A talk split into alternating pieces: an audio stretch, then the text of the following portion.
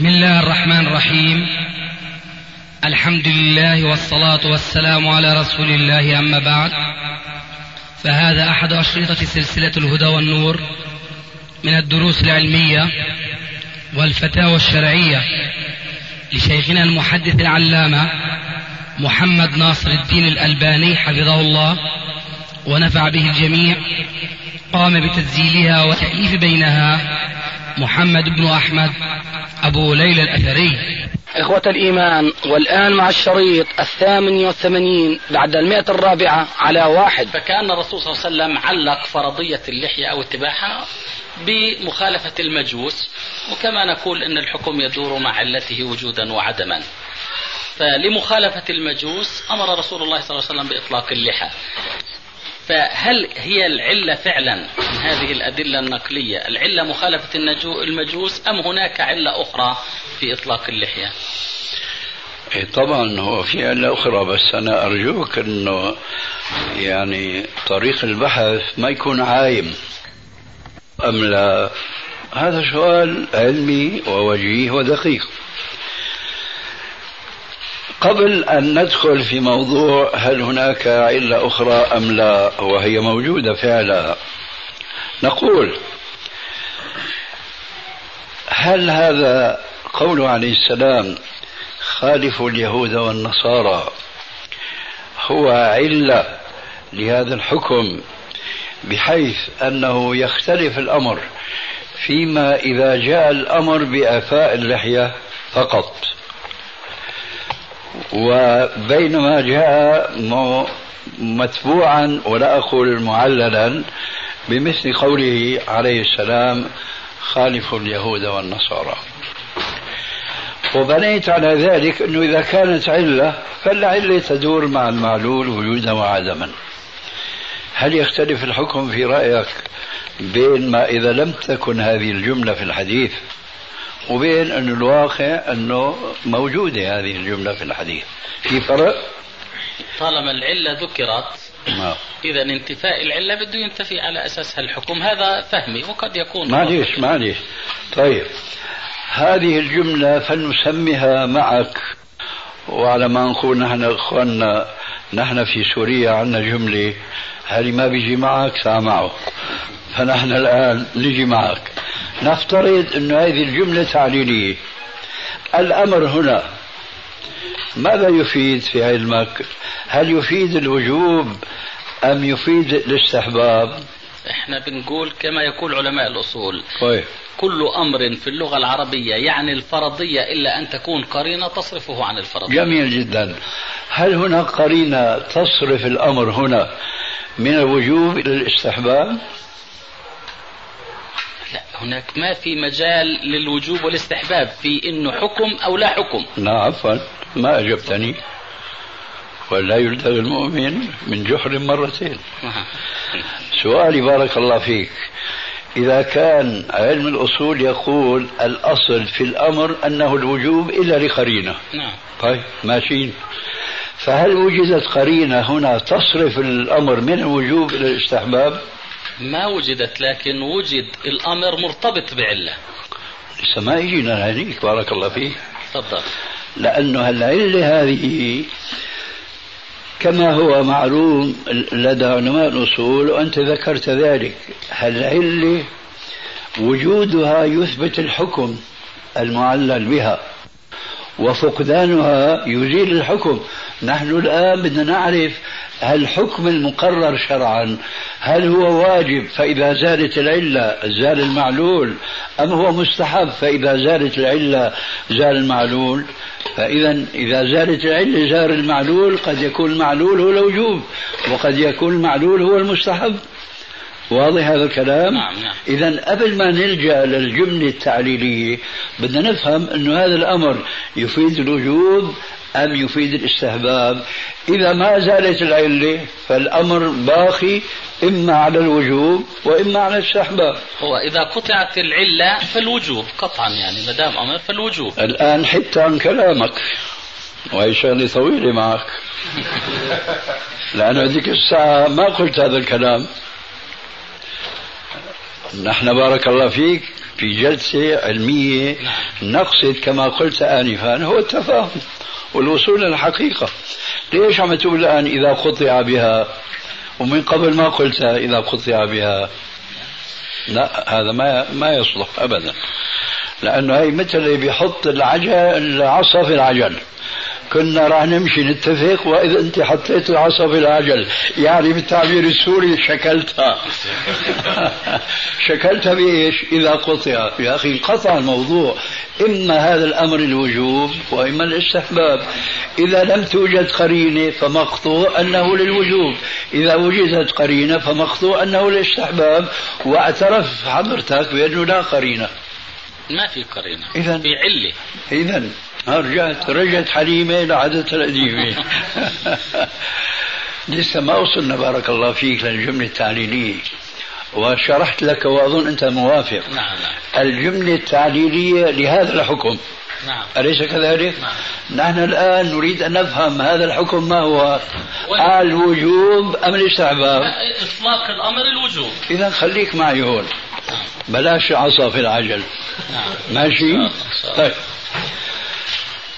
الآن هل زالت العلة؟ والله حسب الظاهر لنا أنها زالت لما؟ لوجود العادي عند المجوس أو النصارى أو اليهود بعض هذه العادات موجودة يعني طيب إذا كان هناك ملايين من البشر وملايين من المسلمين وفي عندنا عادتين. عادة إعفاء اللحية وعادة إطلاق. حلق اللحية. نعم. آه. من حيث الواقع من حيث العدد الذين يعفون عن لحاهم أكثر أم الذين يحلقون لحاهم أكثر؟ بالنسبة للمسلمين الآن؟ لا لا عم أقول البشر كله.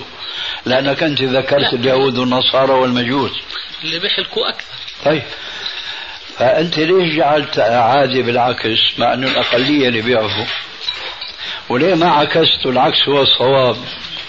الأكثرون ما دام باعترافك وأرجو أن تثبت معي بهذا إن شاء الله. ما دام الأكثرون آه، يحلقون والأقلون يعفون. لماذا لم تقل العادي الحلق وليس الإعفاء؟ لأنه العبرة بالأكثرية. يعني إذا بدنا نقول الناس هل عادتهم الصدق أم عادتهم الكذب؟ بنشوف الناس الصادقين القليلين بنقول لا عادتهم الصدق. وبغض النظر عن عادة الآخرين وأن الجمهور الكذب وقلة الأمانة وإلى آخره. فبارك الله فيك. أنا بلفت نظرك إذا أنه هنا عادتان. ما بنقدر نقول العادة الآن نحددها وإنما عندنا عادتان. عادة الإعفاء وعادة الحلق. وعادة الحلق هي الأكثر. فكيف تحكم بتعطيل الحكم الشرعي بمجرد أنه بعض الكفار وهم الأقلون يفعلون ما يفعل المسلمون والمفروض أنهم هم الأكثرون. فإذا بارك الله فيك ما يصح أن تقول أن هذه العلة صارت الآن زائلة فزال الحكم. لا تزال العلة قائمة بشهادتك أنت أنه أكثر العالم حليق. بل الموضة. وأنت بتشوف الناس بمناسبة الأعياد والأفراح بيدخل الواحد وهو نظيف تماما. نادر جدا جدا خاصة بالكفار. أنك تلاقي واحد بيهندس حاله بتسريح لحيته والأخذ من شواربه إلى آخره. لهذا أذكرك وذكرى تنفع المؤمنين أن الحديث كما قلت الأمر فيه للوجوب والجملة التي هي جملة تعليلية كما ذكرت أنت ونحن مشينا معك لأنه في جم في عله أخرى كما سأذكرها ما زالت هذه العلة ابدا. لم تزل قائمة. خالف اليهود والنصارى. فنحن ينبغي أن نخالف جمهور اليهود والنصارى. مش يعني نخالف فرد فردين ثلاثة أربعة. لا لا في طائفة يا شيخ. طائفة بكاملها تطلق تعفي اللحى. يا شيخ الله يهديك. هذه الطائفة لا تزال داخلة في القلة. الله يهدينا وإياك. طائفة حسبك الاسم. أنت تسميها طائفة. هذه الطائفة بالنسبة للعالم كله هي قلة. ولذلك فلا يزال الحديث محكما بأمره الذي يفيد الوجوب وبتعليله الذي يفيد استمرار هذا الوجوب لأن العلة لا تزال قائمة. ننتقل الآن إلى هل هناك علة أخرى؟ نقول نعم. لعلك سمعت بقوله عليه السلام خمس من الفطرة وبحديث عشر من الفطرة. شو رأيك كلمة الفطرة هنا؟ ما هو المفهوم عندك على الأقل؟ وبلاش الدكاترة اللي أنت حبيت تشربكنا معهم. لا صدق هم ما أعطوا رأيهم بصراحة فيها طيب. يعني ما, ما في واحد شو رأيك بقى أنت بهالفطرة هذه؟ يجوز مخالفتها؟ فطرة الله التي فطر الناس عليها. برضو بدي أسألك توضيح لمعنى في كلمة الفطرة لأنه قبل ما أعطي رأيي. لا قبل ما تسألني جاوبني. نعم. بأي معنى أنت بتفهم الفطرة؟ كما بساط أحمدي. أي معنى أنت بتفهمه؟ اللي هي ظاهر الآية اسمح لي. تفضل. هل يجوز مخالفة هذه الفطرة؟ لا يجوز. لا, لا يجوز. طيب. فإذا كان من الفطرة إعفاء اللحية شو بتكون النتيجة؟ يجوز حلق اللحية ولا لا يجوز؟ نحن لا نغير في الفطرة. لا يجوز طبعا. إذا هكذا بارك الله نعم فيك. يعني يوفر علينا الوقت نعم والمشوار. لا, لا يجوز. إذا هنا علة ثانية وهي أن إعفاء اللحية من الفطرة. حد أن الشعوب كلها النصارى واليهود والمجوس استجابوا لفطرة الله المذكورة في الآية الكريمة. وعفوا عن لحاهم. ما بيرجع الحكم اللي اعترفنا أنه للوجوب يبطل لأنه الحكم مربوط مع العلة وجوب وجودا وعدما. زالت العلة زال الحكم. لا. لأن هناك علة ثانية لن تزول ما وجد الإسلام على وجه الأرض فطرة الله التي فطر الناس عليها. من هنا يخطئ كل الذين كتبوا في هذه المسألة سواء الذين قالوا بأن هذه سنة أو الذين قالوا أن هذه مستحبة أو الذين قالوا سنة عادة. وهؤلاء أبعدوا صوابا عن كل هذه الأقوال لأنهم لن ينتبهوا أو انتبهوا وحادوا وأحلاهم مروا. هذا الحديث الذي يجعل من الفطرة التي لا تبديل لها جعلوها بقى منثورة قال لك عادي يعني إن شئت فعلت وإن شئت تركت. كما قلنا نحن بالسنن سنن العادية. إن شئت فعلت. لا هذه ليست سنة عادية أبدا. وأنا ذكرت مثالا كجواب لسؤالك. ما هو الضابط؟ ما هي القاعدة لتمييز السنة التعبدية عن السنة العادية؟ قلت لك أن الرسول عليه السلام إذا حض على شيء من السنة العادية يخرج ويدخل في السنة التعبدية. وأتيتك بمثال لباس البياض. عليكم بالبياض. فألبسوها أحياءكم وكفنوا فيها موتاكم. المثال الأقوى بالنسبة لسؤالك أنت الأول هو اللحية لأنه كما قلت العرب كانوا يرتاحون كانت عادة عربية على العكس من ذلك كان المجوس. وكان النصارى يرتاحون ولعلك قرأت في كتاب فوق السيرة للبوطي الذي ذكرته في المجلس السابق. أن رجلا من المجوس جاء إلى النبي صلى الله عليه وسلم رسولا من قبل قسرة جاء إيش؟ ملتهيا. قال له من أمرك بهذا؟ قال ربي. يعني كسرة. نعم. قال أما ربي فأمرني بآفاء اللحية وقص الشارب.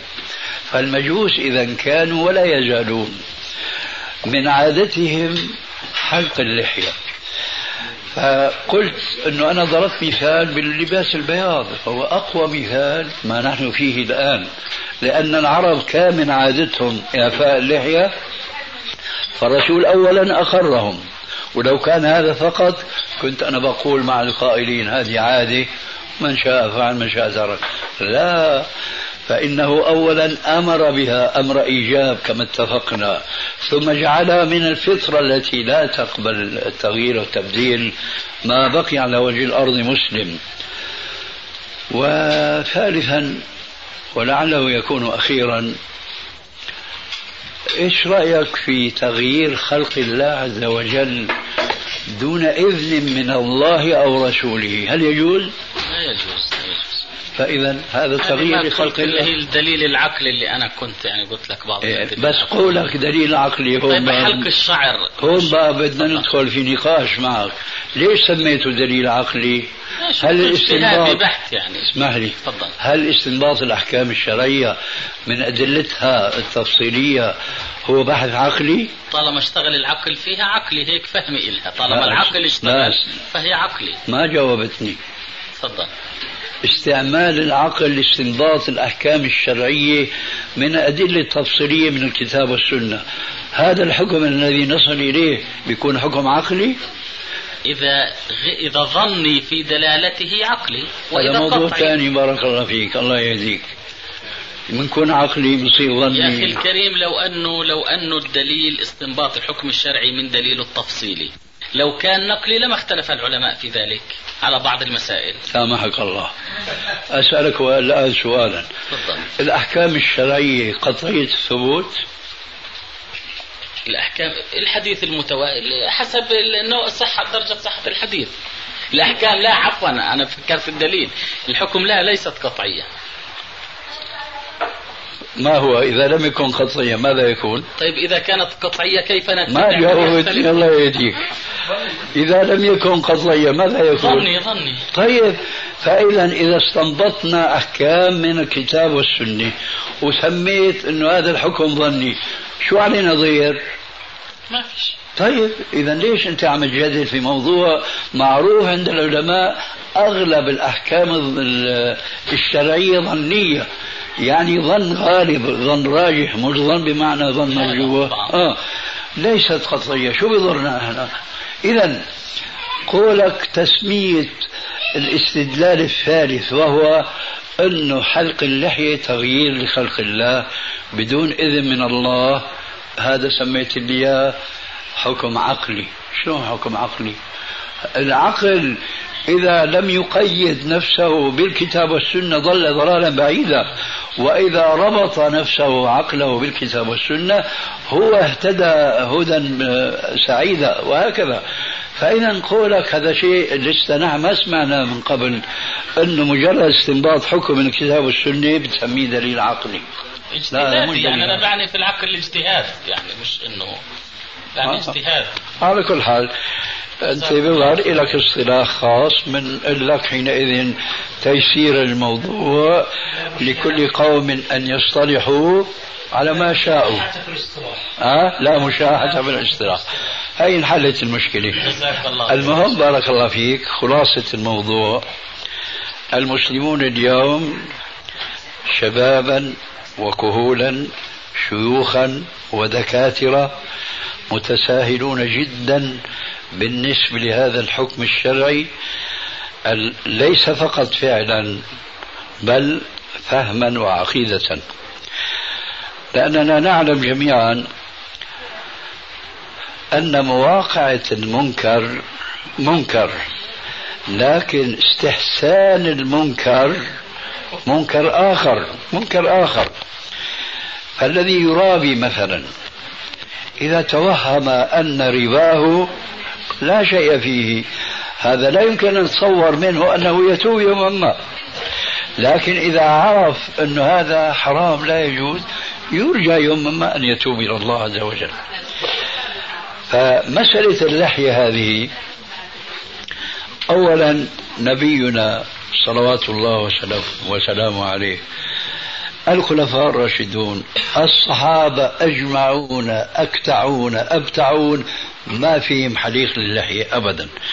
ثم أنزل للتابعين ثم ثم لئيم من مجتهدين لماذا نحن نجرؤ الآن نخالف هذا السلف كله ابتداء من سيدهم محمد صلى الله عليه وسلم إلى الأئمة الأربعة والذين اتبعوا بإحسان الذين قالوا بوجوب إعفاء اللحية والذين قرروا في كتبهم أن حليق اللحية لا تقبل له شهادة لأنه اعتبروا ذلك منهم من هؤلاء الحليقين فسخا. فلماذا نخالف كل هذا الجمهور؟ والله عز وجل يقول هذه الآية وحدة تكفي.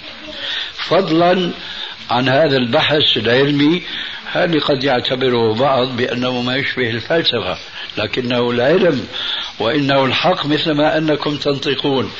لو لم يكن في الموضوع إلا الآية التالية وهي قوله تعالى فليحذر الذين يخالفون عن أمره عليه السلام أن تصيبهم فتنة أو يصيبهم عذاب أليم.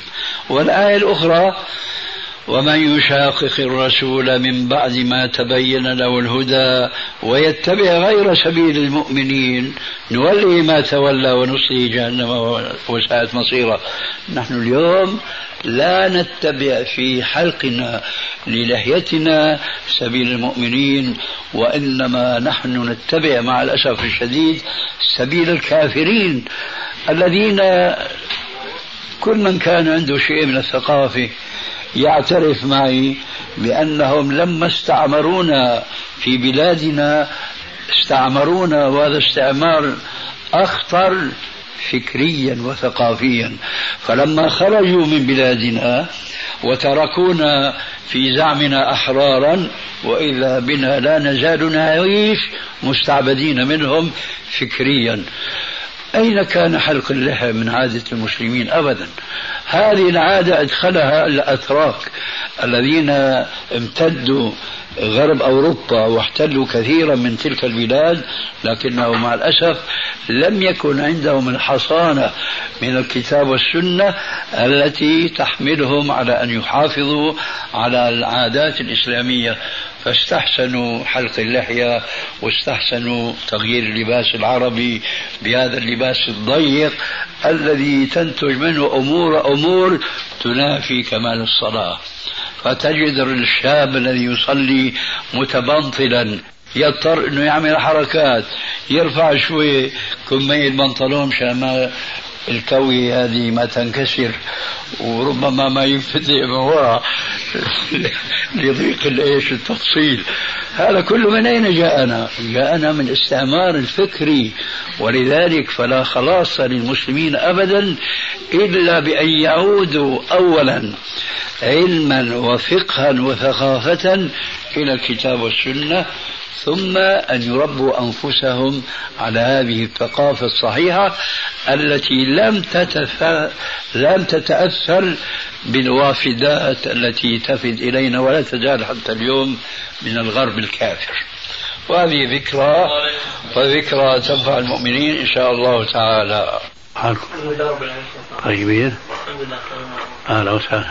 كيف حالك؟ الله يبارك فيك الحمد لله. مساك بخير؟ الحمد لله. خلصت؟ متى؟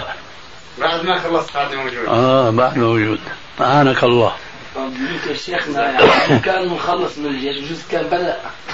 يعني بوادر الخروج.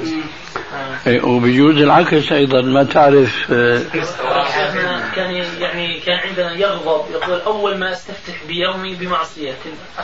إن شاء الله ربنا يوفقه لإطاعة الله ورسوله في كل شيء. في مظهره وفي مخبره في ظاهره وفي باطنه إن شاء الله. على كل حال الظاهر عنوان الباطن وليس الأمر كما يقول بعض الناس من الشباب التايه أنه يا أخي العبرة بما في القلب.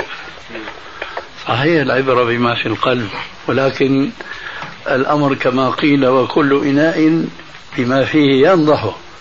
وهذا المعنى مأخوذ من قوله عليه السلام ألا وإن في الجسد مضغة. إذا صلحت صلح الجسد كله.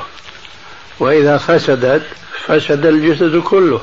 إذا القضية المعنوية الروحية كما يقولون اليوم هي كالقضية المادية البدنية. لا يمكن أن تجد جسما سليما في الظاهر والقلب مريض. لابد ما يظهر أثر هذا المرض على ظاهر الجسد. وكذلك بالنسبة للناحية الإيمانية فإذا كان الإيمان هو المستقر في قلب هذا الإنسان فلا بد من أن يظهر على بدن هذا الإنسان. وهذا صريح في الحديث السابق ألا وإن في الجسد مضغة إذا صلحت صلح الجسد كله وإذا فسدت فسد الجسد كله ألا وهي القلب.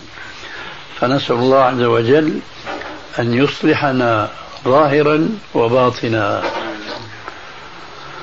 أهلا وسهلا. ما رأيك يعني بالخروج من الجيش إذا كان يؤثر على الإيمان؟ إذا كان يؤثر على الإيمان. وكان الإنسان هذا لا يستطيع أن يقاوم مثلا منكر أو هذا هذا سؤال ما في داعي له لأنه الجواب معروف لكن هل معنى ذلك أنك أنت في الجيش الآن كما يقال اختياري وليس إجباري؟ أستطيع الخروج. إيه، إذا عجل بالخير. جزاك الله خير. ولو كان هذا يعني بعدم مرضاة الوالدين هنا يجب أن تنظر إلى واقعك. الواقع اليوم أن الجيش الأردني مع الأسف ليس كما يزعم البعض جيشا مصطفويا. وكما يقال أهل مكة أدرى بشعابها وصاحب الدار أدرى بما فيها. فأنت وأنت تعيش في الجيش تدري حقيقة هذا القول أنه هل هو جيش مصطفوي أم لا.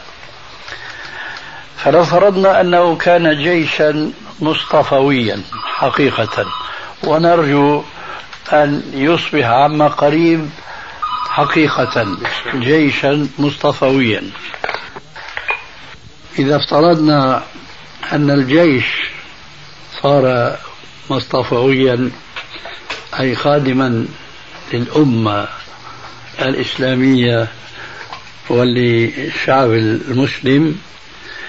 حينئذ يكون وجود هذا المسلم في الجيش طاعة وقربة لله تبارك وتعالى. فإذا كان الوالد لا يريد من الابن أن يظل في هذا الجيش المصطفوي فهو خطأ لأنه كأنه لا يريد لابنه أن يقوم بطاعة ربه عز وجل بأن يكون جندا من جنود الإسلام. أما الآن والحالة مع الأسف كما نعلم والمكتوب مبين من عنوانه حيث لا يسمح للمسلم أن يتشبه بالمصطفى الذي ينتسبون إليه اسما ويتبرؤون منه فعلا. فيجب حينئذ الخروج سواء رضي الوالد أو لم يرضى ذلك لقوله عليه الصلاة والسلام لا طاعة لمخلوق في معصية الخالق. واضح الجواب؟ وإياك إن شاء الله. أيضا في سؤال آخر سيدي يعني في هذا الزمان يعني الفتن كثيرة. هذا الزمان يعني الفتن كثيرة. فالإنسان يعني يتوب كثيرا ويذنب كثيرا. فيشعر الإنسان أحيانا أنه آه، على درجة عالية من النفاق أو من الكذب. فما رأيك بهذا الأمر يعني؟ رأي وجاهد النفس والشيطان وعصيهما وإنهما محضاك النصح فاتهمي الشيطان لا ينصح عدوه الإنسان. ولذلك فيجب على كل مسلم أن يجاهد نفسه وهواه. ولذلك قال عليه الصلاة والسلام المجاهد من جاهد نفسه لله. ولا يجوز له أن يستسلم لهوى النفس لأن هذا الاستسلام سيودي به إلى الهلاك. ولذلك فالمسلم ينبغي دائما أن يتذكر العاقبة أن يتذكر الدار الآخرة. وللآخرة خير لك من الأولى. والدار الآخرة كما تعلم فيها نعيم وفيها جحيم. وهذا الجحيم يعني في أنواع من العذاب لا يستطيع العقل البشري أن يتصوره. من ذلك مثلا قوله صلى الله عليه وآله وسلم ناركم هذه جزء من سبعين جزءا ناركم هذه جزء من سبعين جزءا من نار جهنم. يعيش مراقبا لله عز وجل. وفي ذلك عتم له من أن يميل يمينا ويسارا وأن تتلاعب به الأهواء والشهوات. وقد قال عليه الصلاة والسلام حفت الجنة بالمكاره. وحفت النار بالشهوات. فمن كان راغبا أن يكون من أهل الجنة فعليه أن يجاهد نفسه. لهذا الحديث وما في معناه. يا الله رحمتك أرجو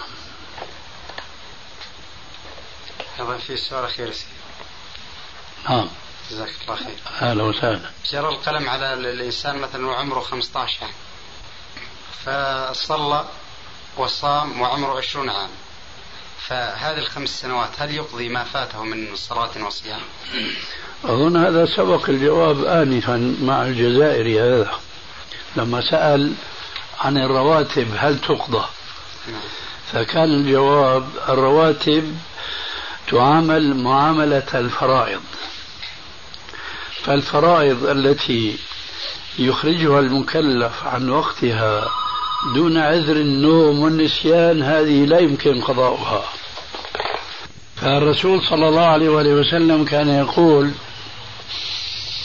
من نسي صلاة أو نام عنها فليصلها حين يذكرها لا كفارة لها إلا ذلك. لو فرضنا أن إنسانا تذكر في هذه الساعة أنه لم يصلي الظهر ذهولا ونسيانا. فعليه الآن ساعة التذكر أن يباشر ويقضي المنسية. إذا من كان ناسيا للصلاة وتذكرها فعليه الآن أن يصليها.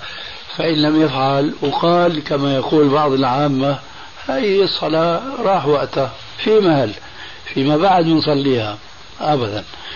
وقتها هذه الصلاة المنسية وقت التذكر لها أو الاستيقاظ لها. فإذا لم يصلها في وقت التذكر فراحت عليه. وكما نعلم جميعا كل صلاة من الصلوات الخمس لها وقت متسع. أضيق الأوقات هو صلاة المغرب. مع ذلك في نحو ساعة. فإذا المصلي التهى عن هذه الصلاة في مدة ساعة من الزمن حتى خرج وقتها دون عذر شرعي السلام عليكم. وعليكم السلام ورحمة الله وبركاته. فحينئذ لا كفارة لها لأنه لم يصلها في وقت التذكر. إذا كان الصلاة المنسية والتي نام عنها حين تذكرها قال عليه السلام فهذا وقتها فإذا لم يصلها فلا كفارة لها. فما بالك الصلاة اللي وقتها ساعة من الزمان وهو لا يصليها في هذا الوقت؟ هذا لا يمكنه أن يقضي هذه الصلاة كما قلت لك أولا إلى الأبد لأن الله عز وجل يقول إن الصلاة كانت على المؤمنين كتابا موقوتا. شو معنى موقوتا أي موقت الأول والآخر. فلو ترك الأمر لرغبة المصلين خاصة الذين غلبت عليهم حب الدنيا والانشغال بها والانكباب على مفاتنها تعطلت هذه الآية إن الصلاة كانت على المؤمنين كتابا موقوتا. ولذلك فيجب على المسلم أن يتذكر آه، بالغ إثم إضاعة الصلاة وإخراج عن وقتها. كما قال عليه السلام من فاتته صلاة العصر فكأنما وتر أهله وماله كأنه احترق بيته وأهله. شوف قديش المصيبة لأنه ضيع صلاة واحدة. آه، وضح لك مسألة القضاء. ما في قضاء إلا بعذر النوم أو نسيان. ثم هذا العذر حين التذكر لابد من الإتيان بالعبادة. فإذا تماهل كمان ذهب وقتها. والصيام كذلك؟ وصيام رمضان كذلك. فمن كان منكم مريضا أو على سفر فعدة من أيام أخر. أما هو ليس بمريض ولا هو مسافر فيستهين بحرمات الله ويأكل ويشرب والناس صائمون. فهذا أيضا لا يستطيع القضاء.